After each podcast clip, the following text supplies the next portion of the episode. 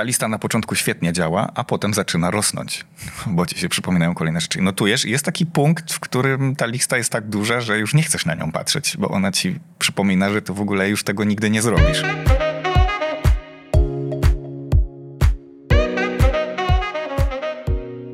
Cześć, witamy Was w kolejnym podcaście Nowoczesny Lider. Dzisiaj moim e, gościem jest Piotr. Cześć Piotrze. Cześć.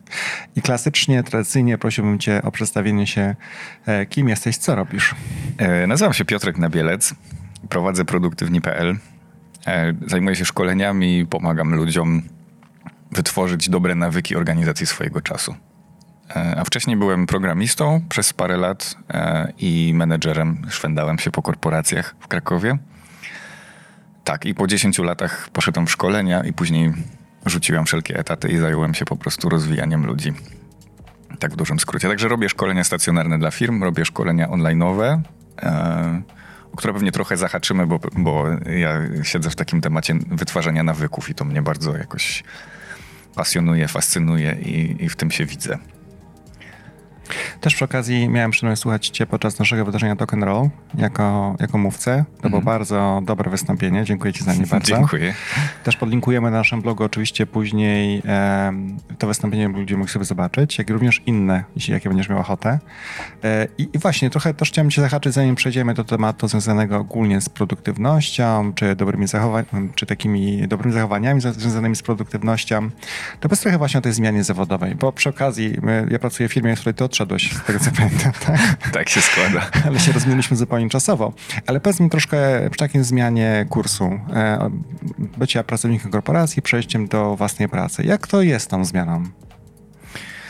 Um, ja generalnie lubię, lubię lubić albo wręcz kochać to, co robię. Więc y, jak ja kochałem programować, y, już pamiętam, że programowałem jeszcze y, w liceum albo i wcześniej. Więc to była taka bardzo naturalna dla mnie kariera, można powiedzieć, bo się przyjąłem w Motorola w Krakowie jako swoją pierwszą pracę i pracowałem naprawdę w projektach i ze sprzętem, który naprawdę był spełnieniem marzeń takiego nastolatka, bo mm, chodziłem, ja byłem takim półelektronikiem, chodziłem sobie do laba, miałem oscyloskopy za jakieś górę pieniędzy. E, sprzęt był taki totalnie z najwyższej półki. Także to były cudowne e, czasy, natomiast ja zauważałem coraz bardziej, że jest bardzo dużo fajnych programistów wokół mnie. Natomiast ja mam jakiś taki dar do organizacji. I to zacząłem widzieć. Robiłem też y, testy osobowościowe, typu tam StrengthsFinder się wtedy nazywał, potem Gallup zmienił mu nazwę. I tam bardzo dużo mi zawsze wychodziło takich rzeczy związanych z kompetencjami nie wiem, społecznymi, rozwojowymi i tego typu rzeczami. E, do tego ja wpadłem w zwinne zarządzanie projektami, Scrumy, Agile. Certyfikowałem się na Scrum Mastera w 2009 roku. No i jakby byłem w tym e, i później zostałem menedżerem, szukałem sobie też trochę swojej drogi. Natomiast e, jak zmieniłem później też pracę, poszedłem do trochę mniejszej firmy, to ja potrzebowałem do swojego działu testerów automatycznych i ich wtedy na rynku nie było kompletnie. E, I trzeba sobie ich było wychować. No bo programiści gardzili testowaniem, a testerzy nie umieli programować ani napisać jakichś nawet sensownych skryptów. Więc y, zacząłem szkolić ich, bo ja miałem przeszłość programistyczną, jakby swoich ludzi i użyłem też innych. No i tak trochę wpadłem w szkolenia. E, I, I, później e, zastanawiam się, jak mógłbym przejść z takiej roli programistą-menedżera na kogoś, kto gdzieś siedzi w jakimś rozwoju ludzi, jeszcze do końca nie wiedziałem nawet gdzie. No i wtedy Sabre szukało kogoś właściwie, kto nie istnieje w jakiś sposób, czyli kogoś, kto ma przeszłość programistyczną, testerską, może trochę menedżerską i zajmuje się szkoleniami. No i to właściwie nie znam jeszcze, nie znam drugiego takiego człowieka, który tak ma.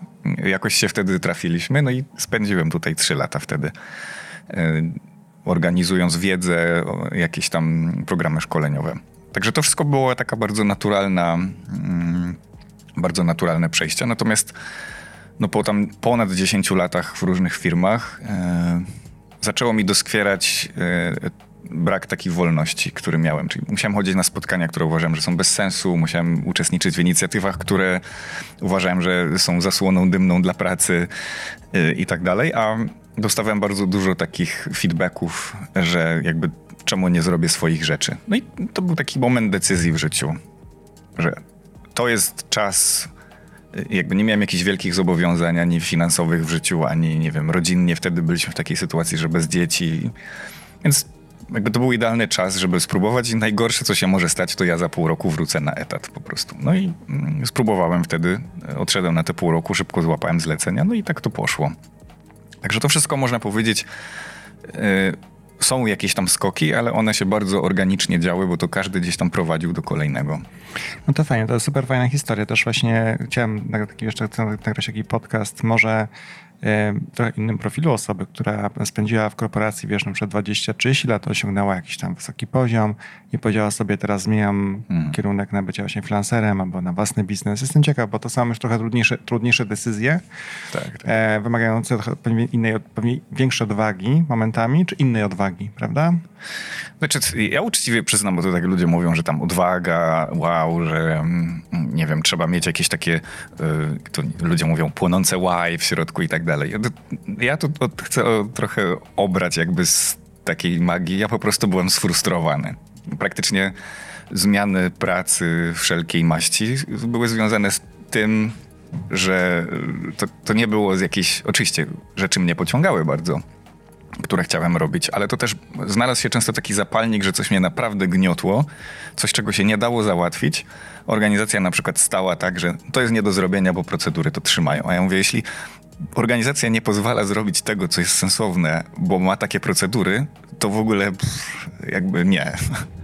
Zgadzam się z tobą. Znaczy, no też y, może być trochę adwokatem firmy, że trochę się zmienia w tym obszarze. W sensie robimy coraz więcej rzeczy, które są słuszne, niekoniecznie są poparte procedurą. Później piszemy dopiero procedury pod to, ale korporacje no, są korporacjami, żyją trochę innym świecie. Tak. No jeśli, nie wiem, to możesz wyciąć albo nie, ale to w moim przypadku było tak, że dostałem ocenę roczną, która była totalnie dla mnie z kosmosu.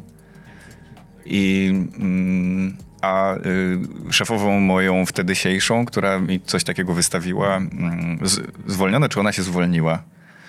I właściwie zablokowała mi możliwość, nie wiem, awansu, podwyżki, czegoś takiego tą oceną. I właściwie nic się z tym nie dało zrobić, a jej już nie było. I właściwie no, musiałbym poczekać jakiś następny rok na coś, co właściwie myśmy się z nią umówili. I stwierdziłem, że to po prostu to jest jakieś dziwne, nie wiem, nie fair. I, i to była Oczywiście tych, tych przyczyn było tam więcej, ale, ale wtedy stwierdziłem, że to już chyba pora też. No właśnie, bo tak jak mówisz, 20 lat to trzeba być naprawdę pewnie już nieźle. E, no znam, pracuję z takimi ludźmi. Oni często do, do, docierają do granicy takiej wygody, ale czują, że mogą dać coś dużo więcej, ale nie wiedzą jak, a wiedzą, że w organizacjach właściwie będą robić ciągle to samo, a szukają czegoś, czegoś więcej bardziej, więc podejrzewam, że to jest jakiś krok dla tych ludzi. Znaczy ja tego do końca nie, że ja tego, ja to rozumiem, tylko tego nie czuję, no bo y, wiesz, ja też mam trochę jak ty poczucie jakiegoś tam mm, spełnienia zawodowego i jak już jakieś miejsce pracy jest za dobrze poukładane i tak dalej, zaczynam się męczyć, bo to, to też wpływa później negatywnie na innych, no bo mi się mhm. tam nudzi i tak dalej, szukam innych możliwości. Ludzie często pokają się w głowie, masz dobrą pozycję, dobrą pensję i tak dalej. Co cię jeszcze zmieniasz miasto, wiesz, mm -hmm. pracę, to nie jest do końca normalne w Polsce. Ale ja to w pełni rozumiem, ale też wiele osób, wiesz, jakby też korporacje dają te złote kajdanki trochę. Samochód służbowy, tam będą gorszy.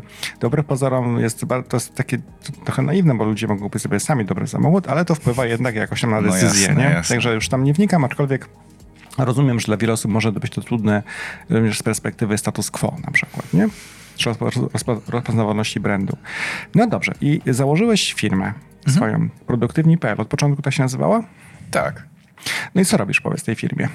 Na blogu nowoczesnylider.pl znajdziesz więcej informacji dotyczących tego podcastu. Znaczy, uczciwie mówiąc, to pierwsze trzy lata byłem tak naprawdę freelancerem, szkoleniowcem. I zająłem się po prostu rozwijaniem ludzi. Czyli głównie, ponieważ większość kontaktów miałem w firmach IT, to szkoliłem takich ludzi, którzy się przygotowywali do roli menedżerów, albo świeżo nimi zostali, albo już nimi byli, a szukali sobie jakichś narzędzi. E, bo jest w sumie dużo dobrych technik organizacji czasu e, i często ludzie nie mają jakby czasu tego sobie poukładać bo czytasz jakieś tam książki, czytasz Getting Things Done, Esencjalistę, Siłę Nawyku i ludzie to czytają, ale nie mają czasu ani, nie wiem, jakichś takich mm, może predyspozycji do tego, żeby to przekuć, no do dobra, no to co konkretnie mam zrobić? e, a ja zawsze to kochałem. Więc, yy, więc właściwie zająłem się szkoleniami stacjonarnymi i na tym mi zeszło z półtora roku, aż zobaczyłem jakby, no ja jestem w efektywności bardzo mocno i zauważyłem, że te szkolenia stacjonarne po prostu mi przestają wystarczyć, że ja naciskam ten temat nawyków, ale szkolenia stacjonarne jest za mało, żeby zacząć nawyki wytwarzać. Znowu w szkolenia online są drętwe. Umówmy się, przeklikujesz coś, mnóstwo ludzi odpada, to tam kończy je raptem 20% czy 30% osób. No i, i eksperymentowałem, pomyślałem sobie, zaraz, na sali mamy relacje z ludźmi, mamy mm, dostęp do prowadzącego, który jest praktycznie od razu. Znowu w online ludzie są tam, gdzie są. To jest bardzo kuszące dla mnie, że nie biorę ich sztucznie do sali na dwa dni, tylko oni robią ten kurs tam, gdzie są, w swojej pracy, w miejscu, gdzie mieszkają, gdzie wśród, są wśród codziennych zajęć. I myślałem, czy byłaby jakaś formuła online'owa, która by łączyła jakby zalety obu. No i to był, to był początek tego kursu, który zrobiłem, Produktywność krok po kroku, który właśnie trwa 30 dni i jego formuła jest taka, że musisz poświęcić 10, maksymalnie 15 minut dziennie. To jest takie, ale codziennie. I ten kurs wypalił, e, zaczęli się ludzie do niego zapisywać e, i to jest jakby druga rzecz, którą zacząłem robić. E, a później zacząłem, czyli tak gdzieś minęły trzy lata, kiedy już się mm, zajmowałem jakby szkoleniami stacjonarnymi i tym online'owym. No i musiałem też pouporządkować mnóstwo rzeczy, bo miałem bardzo dużo danych o tym, co działa, co nie działa, bardzo dużo feedbacku. E, dostawałem też od ludzi, które techniki się sprawdzają, a które nie. No i był taki czas takiej korekty, że ja musiałem się zatrzymać, zastanowić, co chcę dalej robić, zwłaszcza, że e, no teraz jakby jestem freelancerem, mam jakichś podwykonawców, nie wiem, potrzebuję strony, wynajmuję firmę, która mi zrobi stronę. Potrzebuję coś zmontować, wynajmuję. Coś nakręcić, tak samo.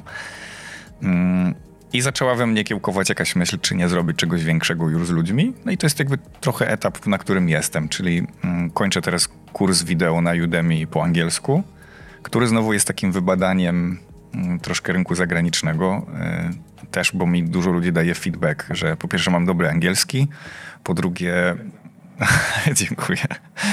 Po drugie y, mnóstwo kontaktów i firm, które ja mam jakby na radarze, czy ludzi, którzy mnie znają, są angielskojęzyczne i ludzie nie mogą wręcz moich kursów sugerować i, i, nawet piszą do mnie, będziesz miał coś po angielsku, bo chcę wysłać swoim, nie wiem, tam szefom czy komuś ze Stanów. Więc to jest taki trochę eksperyment. I teraz właściwie siedzę i gryzę dane i, i rozmyślam, e, co dalej robić, bo mam z 10 pomysłów. Takich też, e, żeby je albo zeskalować, ale też zostawić sobie dużo wolności w życiu, bo to jest bardzo dla mnie jednak ważne. Uczę takiej produktywności w rytmie slow, czyli zrobić konkretnie, ale mieć dużo przestrzeni na, e, na inne rzeczy, bo ja się staram się robić dużo rzeczy, które mnie gdzieś tam kręcą, ruszać się, muzyką się zajmuję i i muszę się jeździć do lasu regularnie, żeby się naładować, więc zawsze na etacie też brakowało mi urlopu. Zawsze. Bo ja bardzo intensywnie pracowałem, e, a potem odpoczywałem, ale tego odpoczynku zawsze miałem za mało ostatecznie.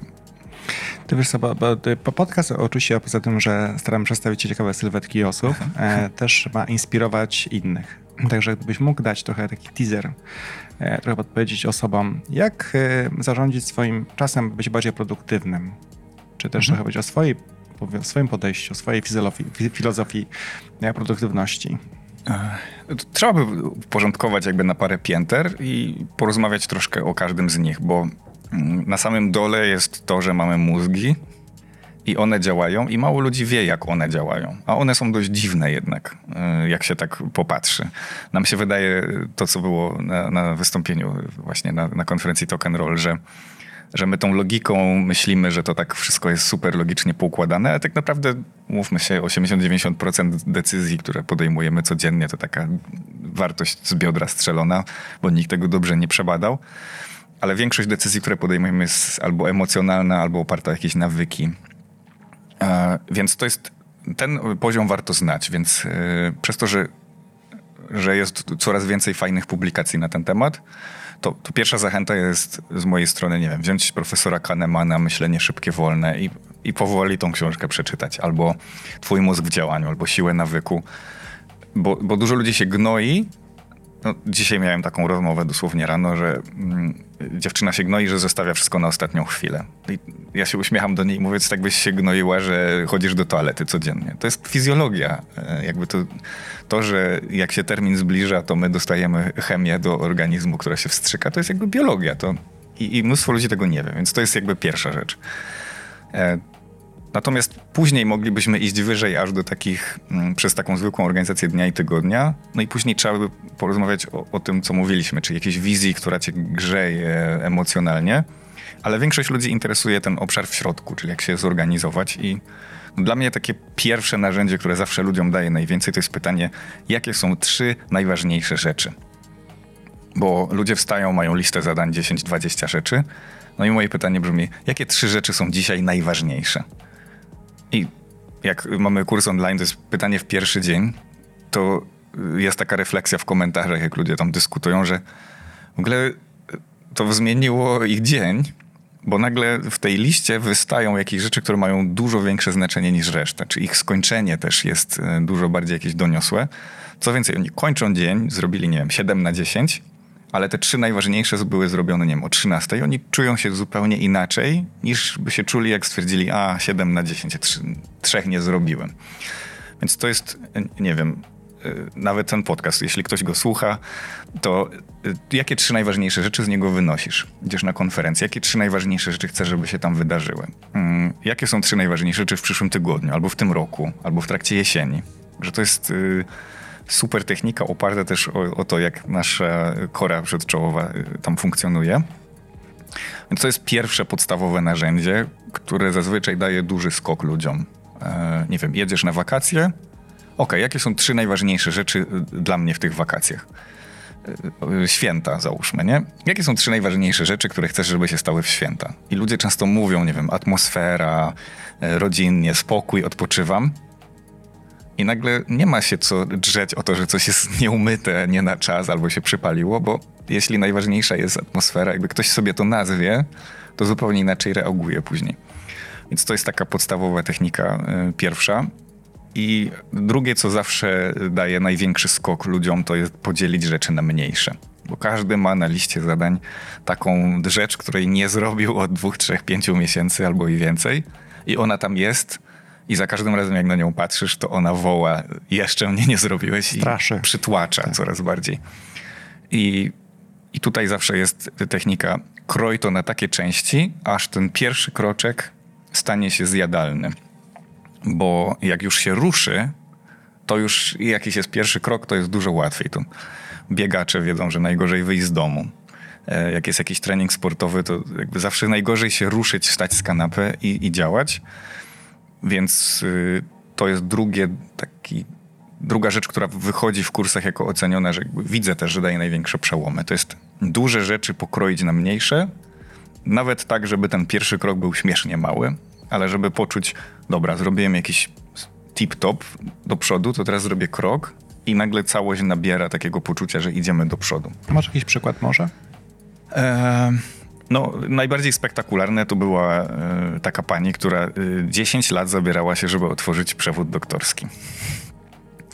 I jak miała na liście rzeczy do zrobienia otworzyć przewód doktorski, no to to tak płynęło z roku na rok, z roku na rok, z roku na rok. I y, dziesiąty dzień kursu to był wtedy. ja ją potem spotkałem na żywo. ona w dziesiąty dzień kursu po prostu rozpisała sobie to na kroczki i ten pierwszy krok podzieliła na trzy mniejsze, i ten pierwszy krok był tak, yy, tak śmiesznie mały, bo to polegało na tym, żeby po prostu wziąć papiery, które są gdzieś wszędzie i ułożyć je w taki stos, który będzie posortowany mm, a tak to miała papiery w 15 znaczy, miejscach. Ja, ja ją rozumiem. Rozumiem, ja rozumiem, rozumiem że jak, ja rozumiem. Mnie też to mam. No więc stwierdziła, że to właściwie się składa z pięciu kroków i wzięła tylko ten pierwszy na tapetę i podzieliła go na trzy mniejsze. I jak zobaczyła, że ten pierwszy to jest właściwie wziąć w pokoju jednym czy drugim i zebrać wszystkie papiery w jedną kubkę, następnie je posortować i złożyć na jeden stosik, to to jest jakby pierwszy krok. I stwierdziła, no kurczę, to, to jest jakby do zrobienia od razu. No i wstała i zaczęła to robić.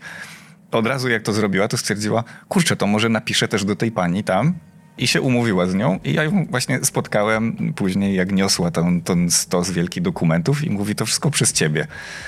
Yy, także to pozwala szczególnie zabrać się rzeczy, które są gdzieś tam upchnięte w szufladach i już jest takie uczucie aż niesmaku, że tyle się je przekisiło. To, to szczególnie wtedy kroić, zrobić pierwszy kroczek i no mam nadzieję, że to był jakiś tam obrazowy przykład. Mam ich, Bardzo mam dobry. Ja, ja, się z tym też utożsamiam, bo ogólnie rzecz biorąc nie mam problemu z wieloma rzeczami, ale jak mam te papiery, które muszę pozbierać, to jest dzięki to dobrze mam żonę, która to robi. Naprawdę. Jestem naprawdę przeszczęśliwy, że ona mi pomaga w takich sytuacjach. No tak, jak możesz delegować, to też jest fajne, ale generalnie jest nawet takie rzeczy domowe, e, nie wiem, posprzątać szafę. O Jezu, posprzątać szafę. A tak myślę, ej, jaki jest najmniejszy sensowny pierwszy krok, który można by zrobić? Posprzątam same skarpetki na przykład. No jest może śmieszne. no, no, dobre to jest. Ale biorę same skarpetki i myślę, kurczę, jakoś tak już... To jest może takie małe oszustwo, ale jak już ruszyłem ze skarpetkami, to wezmę jeszcze, ogarnę to i to i to. I nagle się człowiek wkręca, bo troszkę spuścił oczekiwania jednak. To, e, to chyba taka druga technika, która bardzo ludzi jakby odblokowuje do działania, bo mamy też dzisiaj bardzo dużo łatwych rzeczy, które sprawiają, że ty się czujesz zajęty, a nie dają żadnej wartości. Dlatego, e, nie wiem, no nasi przodkowie nie, nie mieli tego luksusu.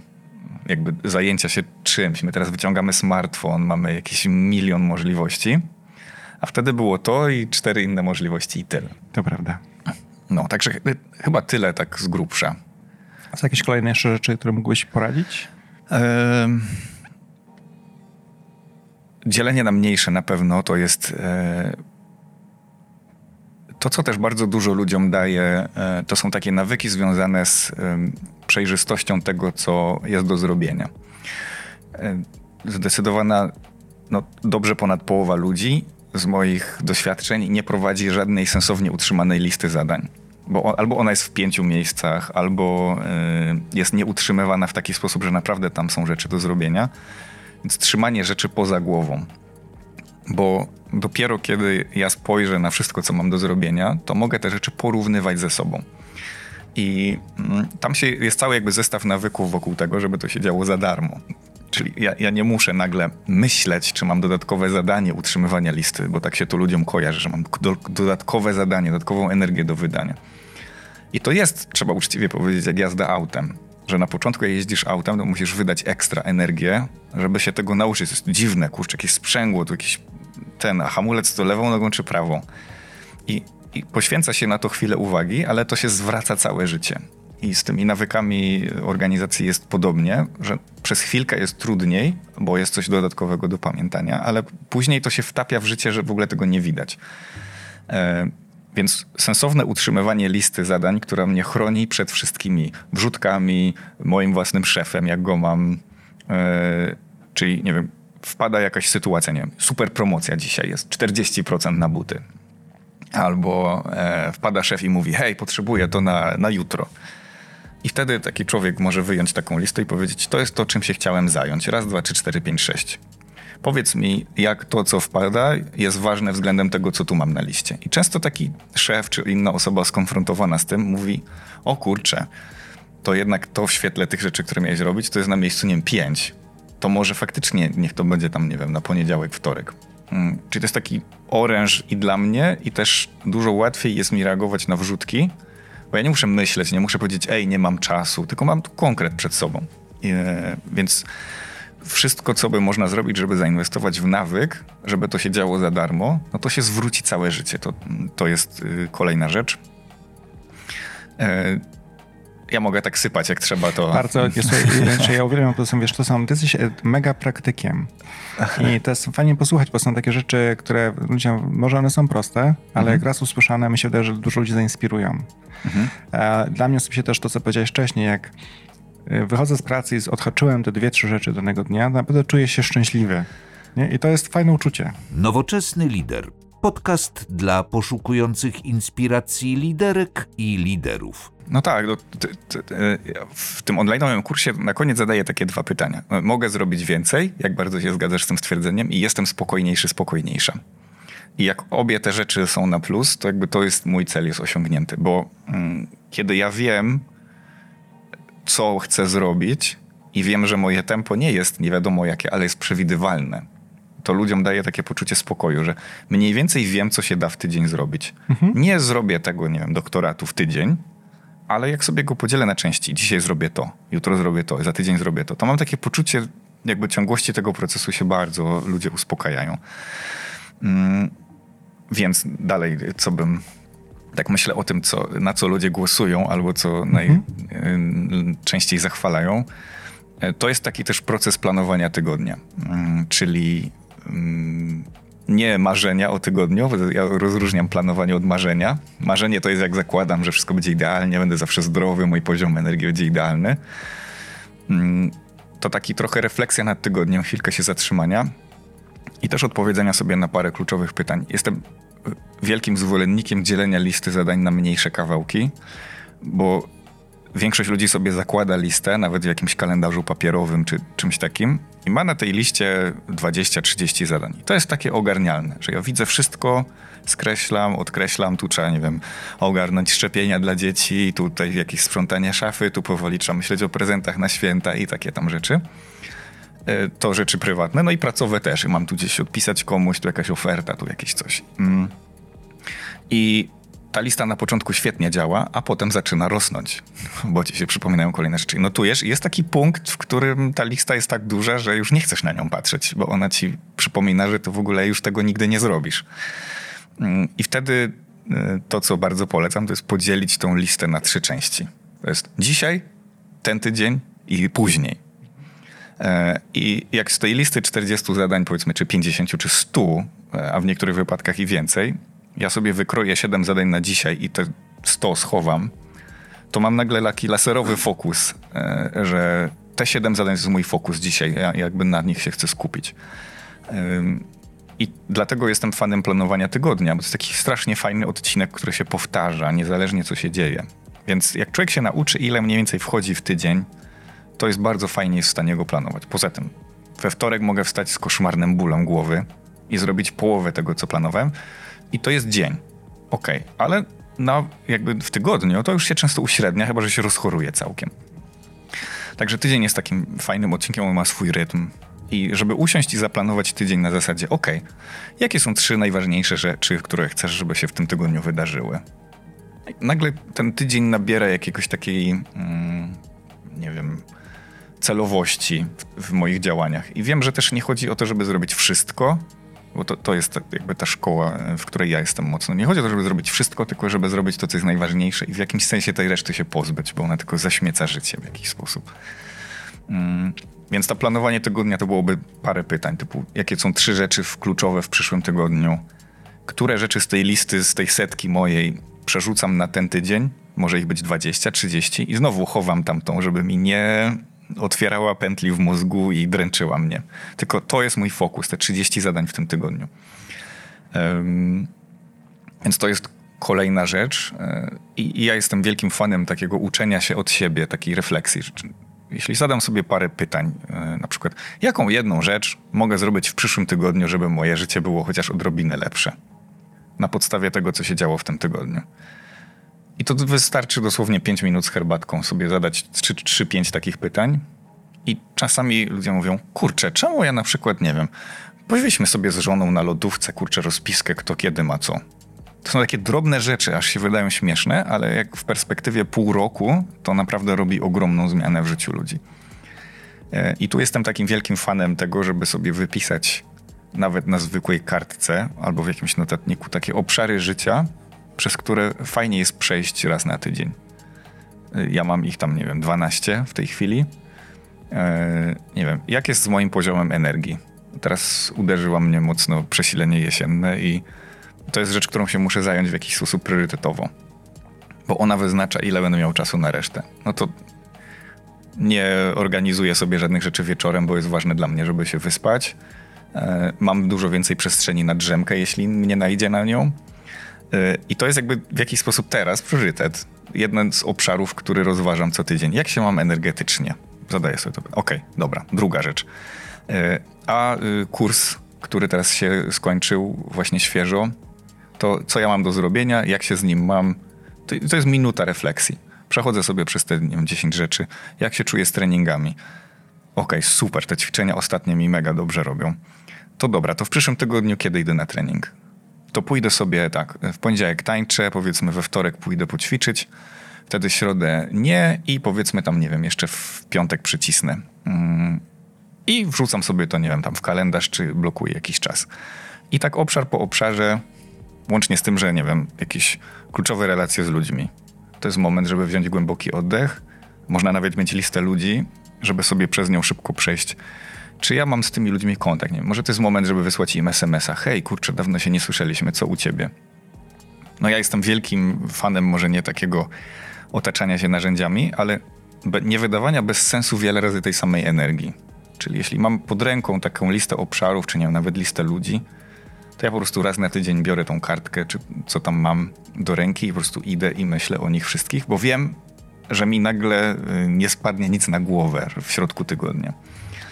Y, więc ja mam takie projekty tam i takie rzeczy związane z ruchem y, i no chyba tyle. Myślę o jeszcze jakichś rzeczach. Y, tak, mogę, mogę długo, bo to by trzeba przekuć teraz w takie punkty. Co, taki, mhm. co człowiek mógłby zrobić? Jest świetnych, dużo też darmowych aplikacji. Ja je bardzo doceniam, bo ja mam pomysły w różnych szalonych miejscach, które mi przychodzą do głowy. I fakt, że mam komórkę ze sobą jest cudowne, bo wpada mi do głowy idąc ulicą, że mam coś kupić, to ja od razu mam nawyk, odruch do rzucania tego do listy, którą mam e, gdzieś w telefonie przy sobie, to mi się od razu synchronizuje z wszystkimi innymi. Nie mogę tą listę współdzielić z kimś też. Mm, tak samo zadania. Coś mi się przypomni, albo się zainspiruje, albo ktoś mi opowiada o fajnej książce, to ja mam od razu miejsce, gdzie wiem, że to dodam. I oczywiście nie przeczytam wszystkich książek, mam w tej chwili, nie wiem, 49 na liście. I nie przeczytam wszystkich, ale znowu jakieś, nie wiem, 4, 5, 6, 7 książek w ciągu jesieni przeczytam, no to wyciągnę sobie je na górę tej listy i po prostu jadę jedna za drugą, powoli, ale nie patrzę na te 50, których nie przeczytałem, tylko na te dwie, trzy, które mam przed oczyma. Także to jest chyba taka w ogóle duża szkoła. Limitowania tego, co się widzi, bo wszystko, co widzisz, a nie możesz nic z tym zrobić, po prostu cię tylko rozprasza, nic więcej.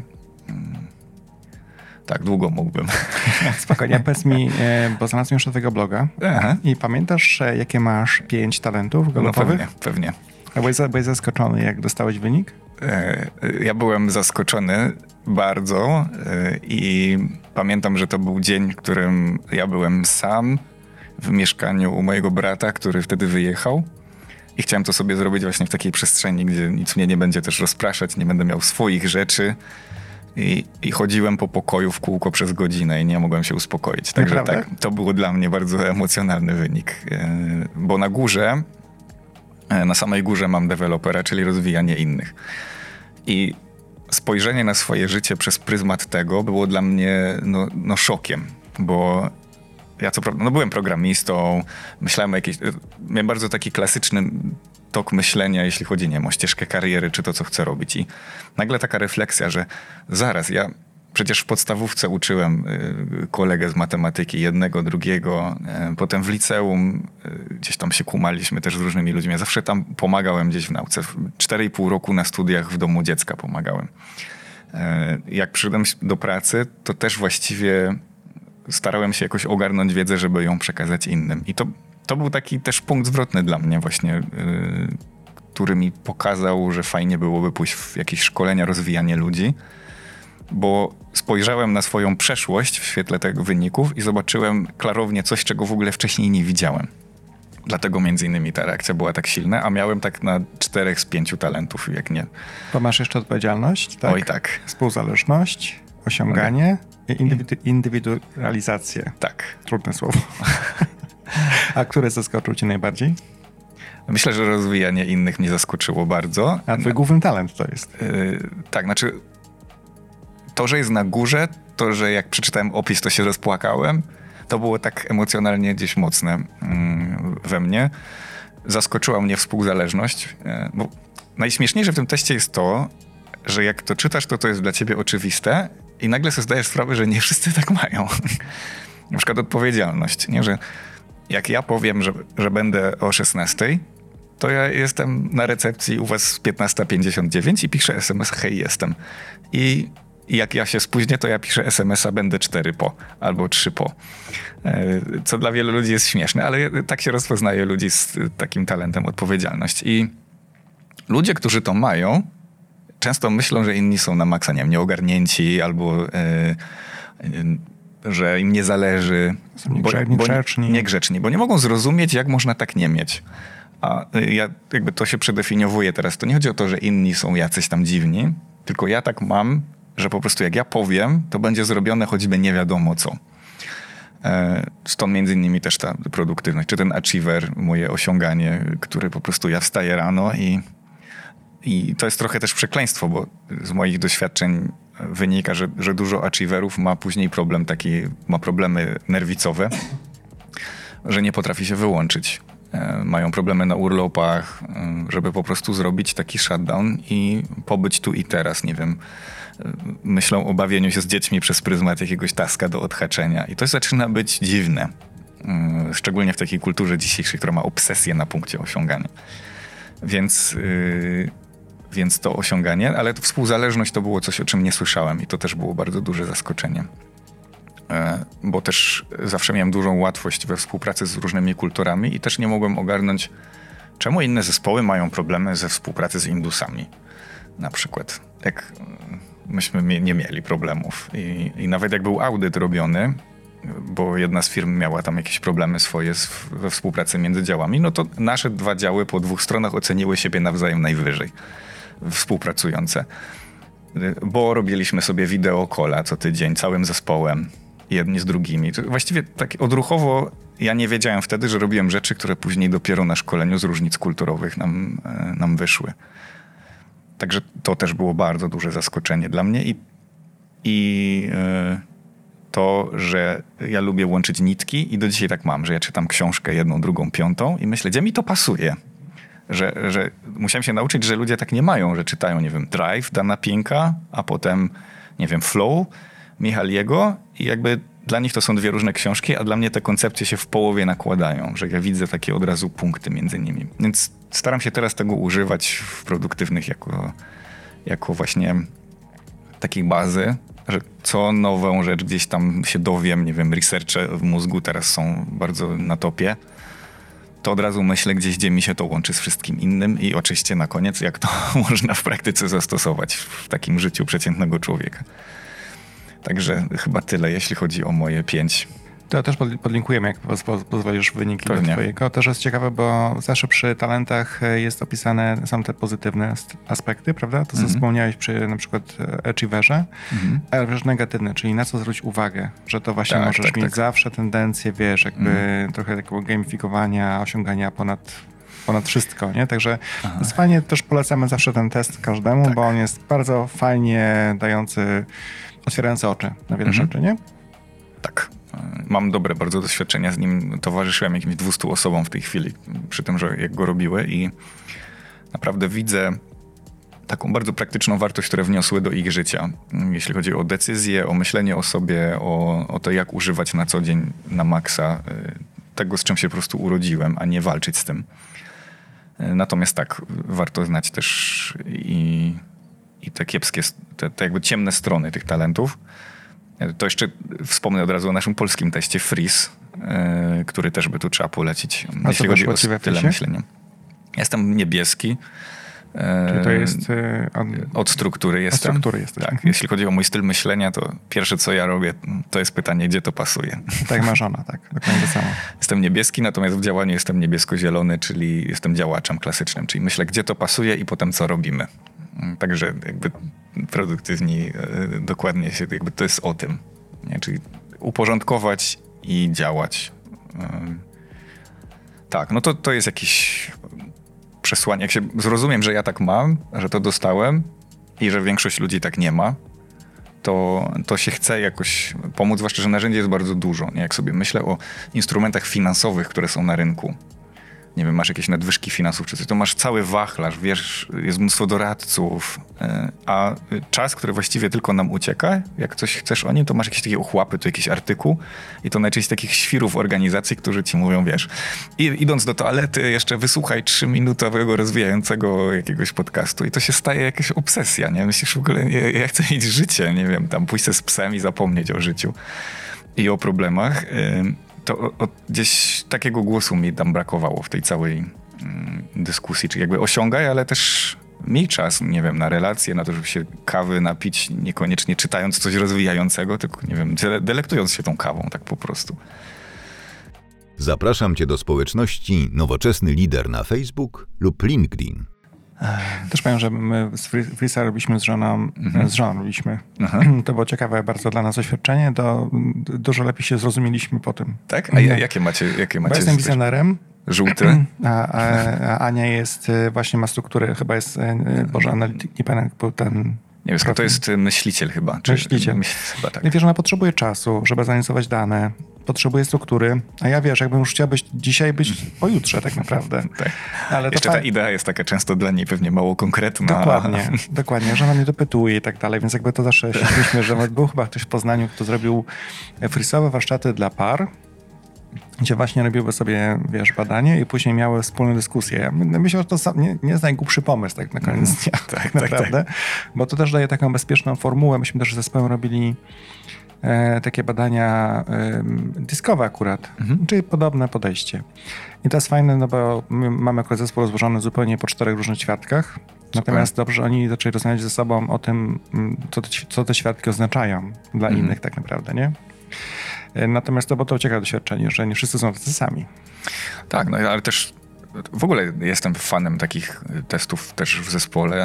E, jakby nagle każdy, to jest taka drużyna A się robi. Nie, że jakby ja czuję, że ja jestem teraz ten, co wnosi to. E, I nikt inny być może tego nie ma. Więc na przykład ja jestem taką trochę lokomotywą, która ciągnie i daje napęd. I to jest moja rola w tym zespole.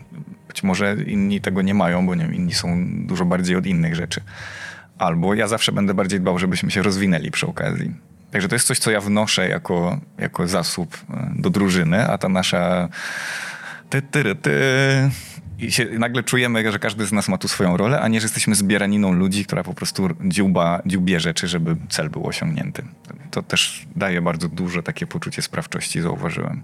To prawda.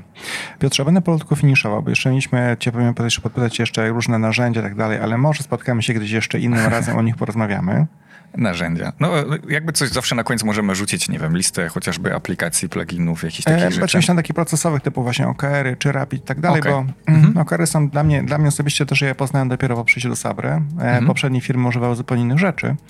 E, tak samo na przykład jak Rapid. E, no się okazało, że jakby narzędzie narzędziem, ale daje taką dobrą formułę jakby wypracowania pewnego konsensusu mhm. e, i możemy, możesz coś jeden z nich powiedzieć? Czy masz jakieś no. inne na myśli? Narzędziowo, tak? Mm. Tak mi się na narzędziowo procesowo, bo ja też jak z perspektywy, tak jak mówisz wcześniej, w swoich taskach, to ja używam Todoista, Aha. dlatego, że mam go wszędzie. Na czymkolwiek nie czytam, potrzebuję sobie zabookmarkować coś, ja nie robię bookmarków, bookmarków, tylko sobie taski. Mhm. E, później dzięki temu mogę to kupić, przeczytać, obejrzeć albo zrezygnować tak naprawdę mhm. E, ze wszystkiego, czy artykuły w sieci, czy wiesz, książki. Czy Super, no tych aplikacji jest parę, to tak od razu rzucę, że jest Todoist, jest polskie Nozbi, e, jest Microsoftowy Todo, jest Asana, jest ClickUp, Amazing Marvin, jest TickTick, także to są też aplikacje, które są i na Androida, i na iOS-a. Wszystkie są za darmo w jakiejś tam wersji podstawowej i się wszystkie synchronizują, także to a procesowo mm, jak wywołałeś okary, myślę, czy jest jeszcze coś bardziej praktycznego i coś, co ludziom więcej daje. Procesowo dla mnie numer jeden, tak długofalowo, to jest tygodniowy przegląd takie trochę przejście przez obszary, ale, e, ale o tym trzeba by faktycznie pewnie cały odcinek zrobić, jak to zrobić z głową, bo ludzie przeczytają Getting Things Done, rób tygodniowy przegląd, a nie wiedzą jakby co tam robić konkretnie. Także o nim, o nim można by jakąś chwilę spędzić. Natomiast OKR-y, no, cudne narzędzie, strasznie proste i strasznie trudne zarazem, bo um, um, ja to przeżywam w, w, kursie. Czwarty tydzień zaczyna się od tego, że zaczynamy robić plan już na kwartał, bo już te trzy tygodnie wybetonowaliśmy. I tam mam bardzo dużo takich doświadczeń, że ludzie nie potrafią w ogóle kwartału zaplanować. Raz, że nigdy tego nie robili, ale też zaczynają mieć ogromne oczekiwania co do tego procesu planowania. A planowanie robi się, moim zdaniem, coraz lepsze, dlatego że my zaczynamy zderzać rzeczywistość z tym, co sobie wyobrażaliśmy. I analizując tą dziurę, jesteśmy w stanie lepiej planować. E, także dzień i tydzień jest ok, one się powtarzają, ale jeśli ktoś nigdy nie mm, planował kwartału, to ja zauważyłem, że duża część woli w ogóle odwlekać to w czasie, żeby zrobić idealny plan, niż po prostu stwierdzić, to jest coś, co jestem w stanie zrobić 2-3 godziny sensownie i zderzymy to za 2-3 miesiące i zobaczymy, gdzie dotarliśmy. Więc te OKR-y w tym kontekście, jeśli się je źle zastosuje, to one będą, jakby ludzie są nie, od, nie gotowi wtedy na to, żeby go zmieniać. No bo przecież raz wymyśliliśmy. I yy, ta technika jest dość prosta, pewnie można o niej po, poczytać i yy, ja, ja ją lubię, bo jest prosta i w przeciwieństwie do smartów, tych celów smartowych, które właściwie są prawie czymś identycznym, jeśli chodzi o ideę, tylko smart się kończy pewnym zdaniem wielokrotnie podrzędnie złożonym. A OKR-a możesz zamknąć, um, OKR-a sobie możesz zamknąć w prostym, nie wiem, Google Sheets, e, napisać każdy, nie wiem, trzy cele, pod nim dwie, trzy miary e, i, i zacząć po prostu śledzić wynik, nawet zanim e, zaczniesz sobie stawiać cele. I to jest wielki, e, jestem wielkim fanem jakby też tego podejścia, żeby albo wziąć konsultanta, czy kogoś, kto to robił wiele lat, kto już potrafi zaproponować dobre miary.